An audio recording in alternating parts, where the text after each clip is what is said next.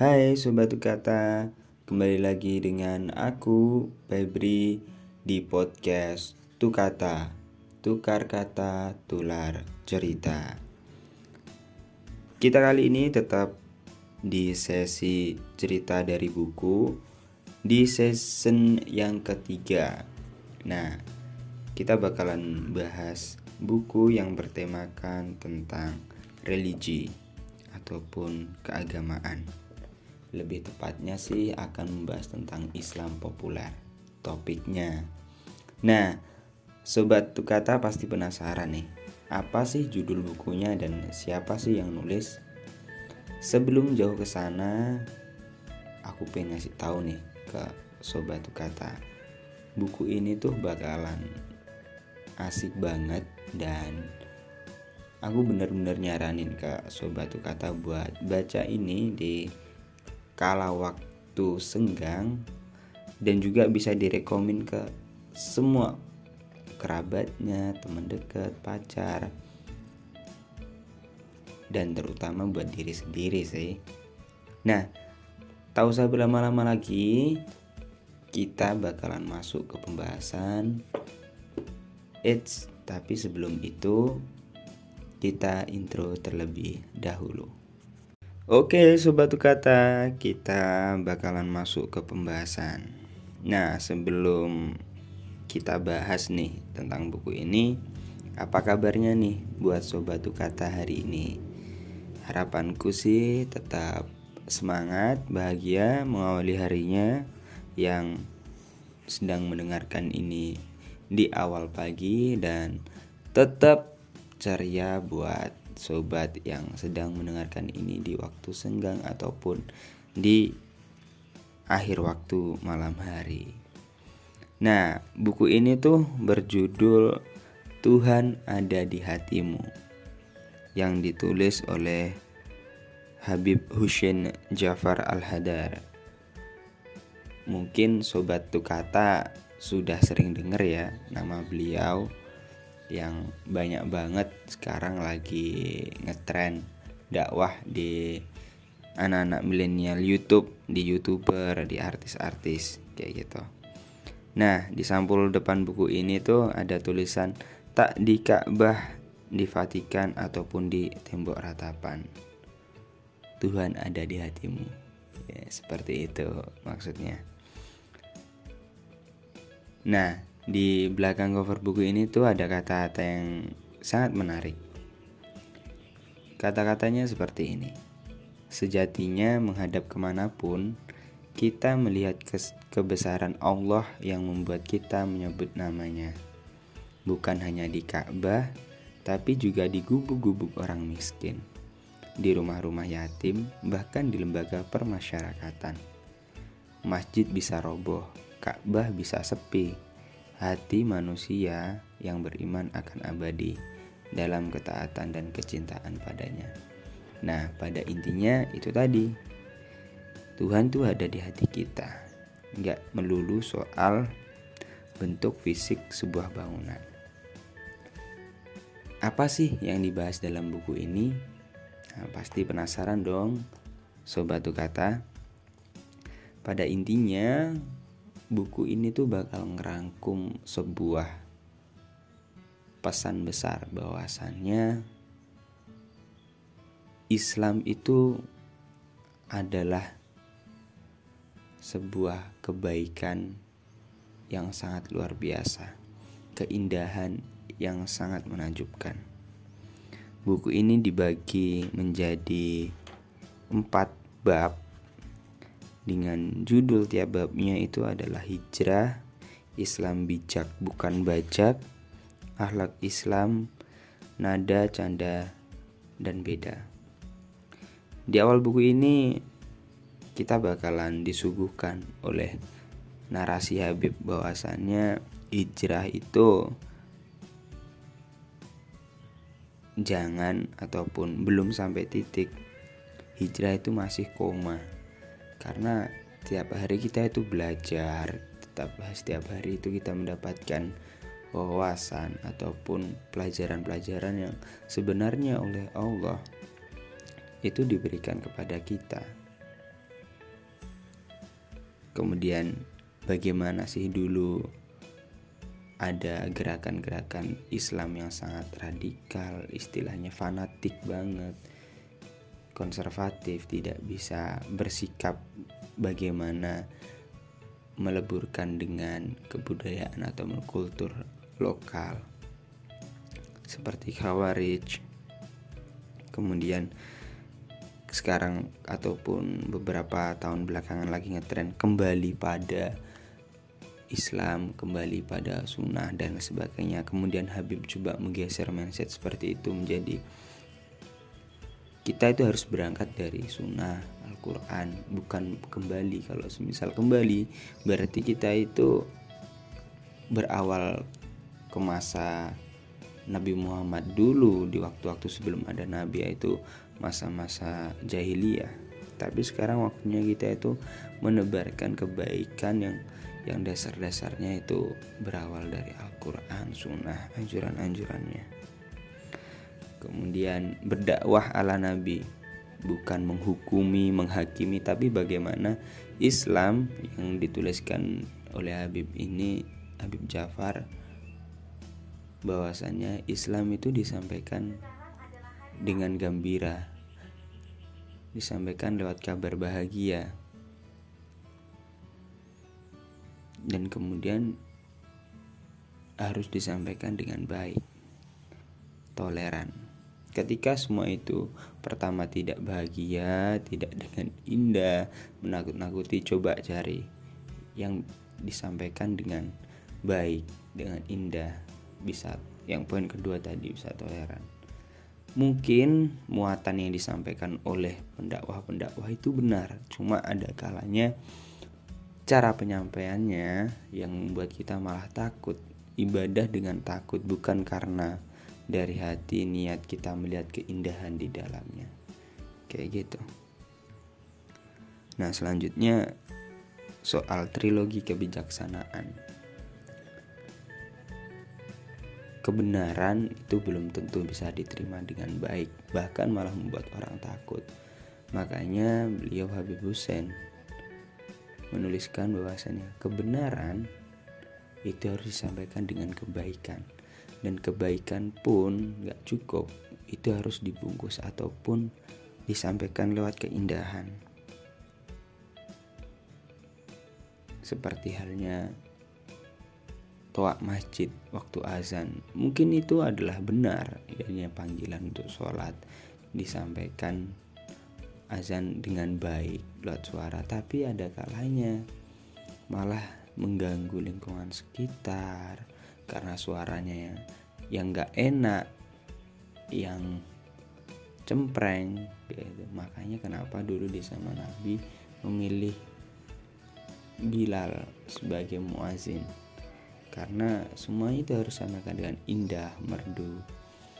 Islam seperti itu, Islam memfasilitasi bahwasannya kita itu bisa bersama-sama dan berjalan dalam keindahan. Seorang tokoh pembaru Islam Muhammad Abdul pernah pergi ke Amerika ataupun ke Barat. Dia ke sana melihat ada Islam di situ karena kota yang tertata rapi, kebersihan dan lain sebagainya. Tapi dia tidak melihat muslim. Kemudian berkata, beda dengan kota tempat tinggalku. Aku melihat muslim tapi tidak melihat Islam. Itu sebuah autokritik yang menurutku dan oleh Habib Jafar pun perlu kita pikirkan bahwasannya ada kalanya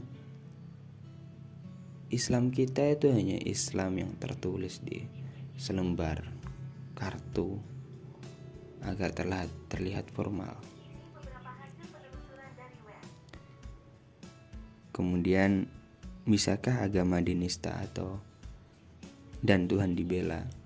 Nah, ada kalanya kita menggebu-gebu, kita mengapi mengafirkan ketika agama kita di istilahnya disinggung kayak gitu padahal Habib Jafar coba memberikan pandang bahwasannya yang bisa menista agama kita ya kita sendiri karena kita yang tahu orang nggak tahu gimana caranya misalnya nggak tahu agama kita konsepnya seperti apa. Kemudian soal Islam adalah agama perang agama pedang. Karena banyak ataupun gerakan-gerakan yang disampaikan lewat kekerasan lewat sedikit-sedikit kafir. Bahkan sesama umat muslim pun dikafirkan. Nah kita harus coba merubah mindset bahwasanya dulu nabi di masa beliau berdakwah di masa kenabian beliau hanya 80 hari yang dipakai untuk peperangan. Sisanya itu untuk disampaikan lewat kebaikan, lewat dakwah, lewat laku kayak itu. Kenapa? Makanya beliau diibaratkan sebagai Al-Qur'an berjalan. Nah, itu perlu kita teladani lebih jauh bukan bahkan malah fokus ke perang-perangnya Islam itu makanya perang itu seperti yang banyak dituliskan di buku-buku pendidikan sekolah dasar sekolah menengah gitu. kita nggak fokus malah nggak fokus ke kebaikan dalam artian penyampaian kesabarannya Rasulullah bagaimana menyikapi tindakan tindakan kaum kaum uh, suku waktu itu yang kurang suka dengan dakwah beliau itu yang coba harus kita telusuri lebih jauh. Bahwasannya memang memang ada ada kebaikan ini dan di buku ini pun dituliskan oleh bahwasannya di keburukan sebesar apa pun selalu ada kebaikan. Ibaratnya di nok di warna sehitam apa pun selalu ada noktah putih yang bisa didapat dan soal HAM. Soal HAM mungkin ada perdebatan bahwa Islam itu tidak mengakomodir HAM. Itu salah besar. Bahkan Islam itu sangat menjunjung sekali HAM. Namun yang ditegaskan oleh Habib bahwasanya kita itu harus ingat HAM itu bakal tercapai sebenarnya dengan mudah ketika kita ingat wajib asasi manusia wamnya kewajiban kita itu apa berbuat kebaikan menjaga perasaan kayak gitu. Itu pasti nanti hak orang lain akan terpenuhi seketika ketika kewajiban kita itu bisa kita lakukan secara bersama-sama dengan baik.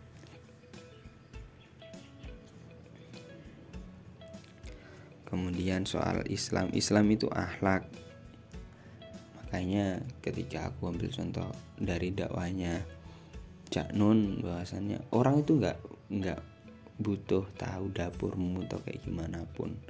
Yang penting ruang tamu itu kayak gimana.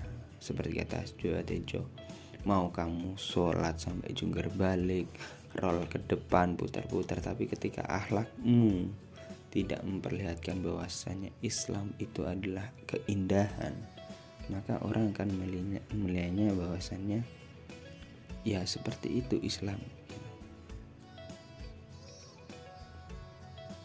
makanya kita harus lebih melihat ataupun mendalami intisari bahwasanya sholat itu sebenarnya mengajarkan kesuhutan, kesabaran. Dan yang terakhir berbicara soal dakwah nih tentang canda, tawa, dan ada ada kalanya yang perdebatan soal musik pertama. Musik itu haram atau halal. Sebenarnya ada di situ pun ulama-ulama besar itu ada perdebatan soal halal dan haramnya. Ada yang sebagian mengharamkan ada yang sebagian halal tidak. Ada kecenderungan kalau kata Habib di buku ini namun pada intinya fokusnya itu bukan kepada suara yang dikeluarkan. Kalau misal fokus ke suara yang dimaksud di sebuah hadis bahwasannya musik itu haram adalah ketika suara sendok dan garbumu didengar oleh tetanggamu yang sedang kelaparan. Itu. Fokusnya adalah ketika musik itu membawakan ataupun membuat orang itu lupa terhadap ibadah ataupun fokus ke maksiat dan lain sebagainya. musiknya itu benda musiknya itu objek. Dia nggak bisa dihukumi kayak gitu. Kalau musik itu haram bisa jadi HP itu nanti haram karena dia mengeluarkan suara musik dan lain sebagainya. Nah, kayak gitu nah itu perlu kita dalam bagaimana musik bisa menjadi media dakwah seperti adanya Opik, ada Nisa Sabian dan lain sebagainya. Makanya sikap-sikap positif yang harus kita bawa bahwasannya media itu tidak bisa dihukumi harusnya. Tapi sifat penyikapan ataupun manusianya sendiri yang harus kita koreksi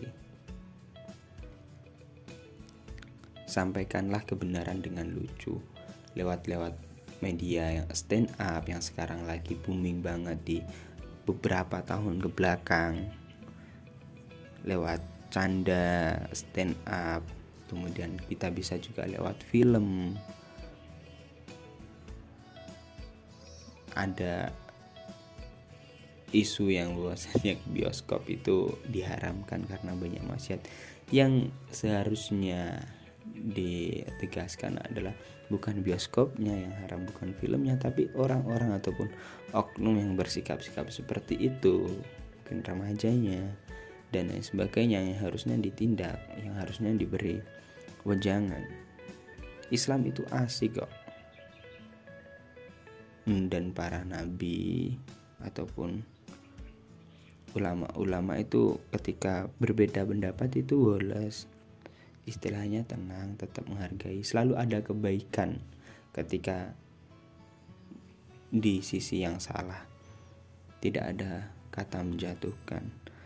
Nah itu yang perlu kita pelajari kenapa sekarang itu malah kita ketika beda pendapat itu kita gontok-gontokan.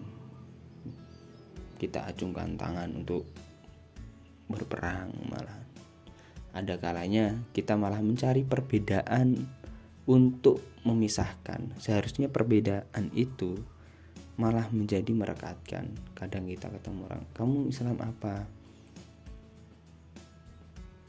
Kamu Islam yang ikut organisasi mana? Gitu. Ya udah harusnya kita itu orang Indonesia orang Islam. Ada pesan bahwasannya ketika kamu bukan saudara seiman dalam Islam maka kamu adalah saudara dalam kemanusiaan tinggi banget itu maknanya bahwasannya Islam itu baik Islam itu indah tidak ada kata kejahatan, perang. Maka yang terakhir adalah jadilah muslim yang moderat. Moderat artinya adalah bisa bersikap dengan baik dan mengambil nilai sisi positif dengan penyampaian yang indah ketika ada masalah, situasi yang riskan terjadi pertikaian. Jangan terlalu kaku menanggapi persoalan terutama di Indonesia yang memang kulturnya sangat kuat memang terah budayanya seperti Jawa kejawen itu memang historisnya sangat panjang. Maka untuk sobat kata mulailah melangkah dengan moderat dalam Islam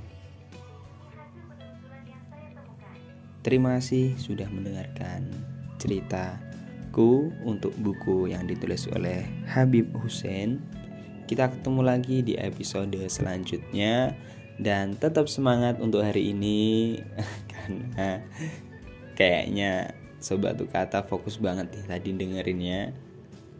Semoga sobat tuh kata bisa baca buku ini dan bisa sharing lewat podcast ini dengan komen di kolom pertanyaan.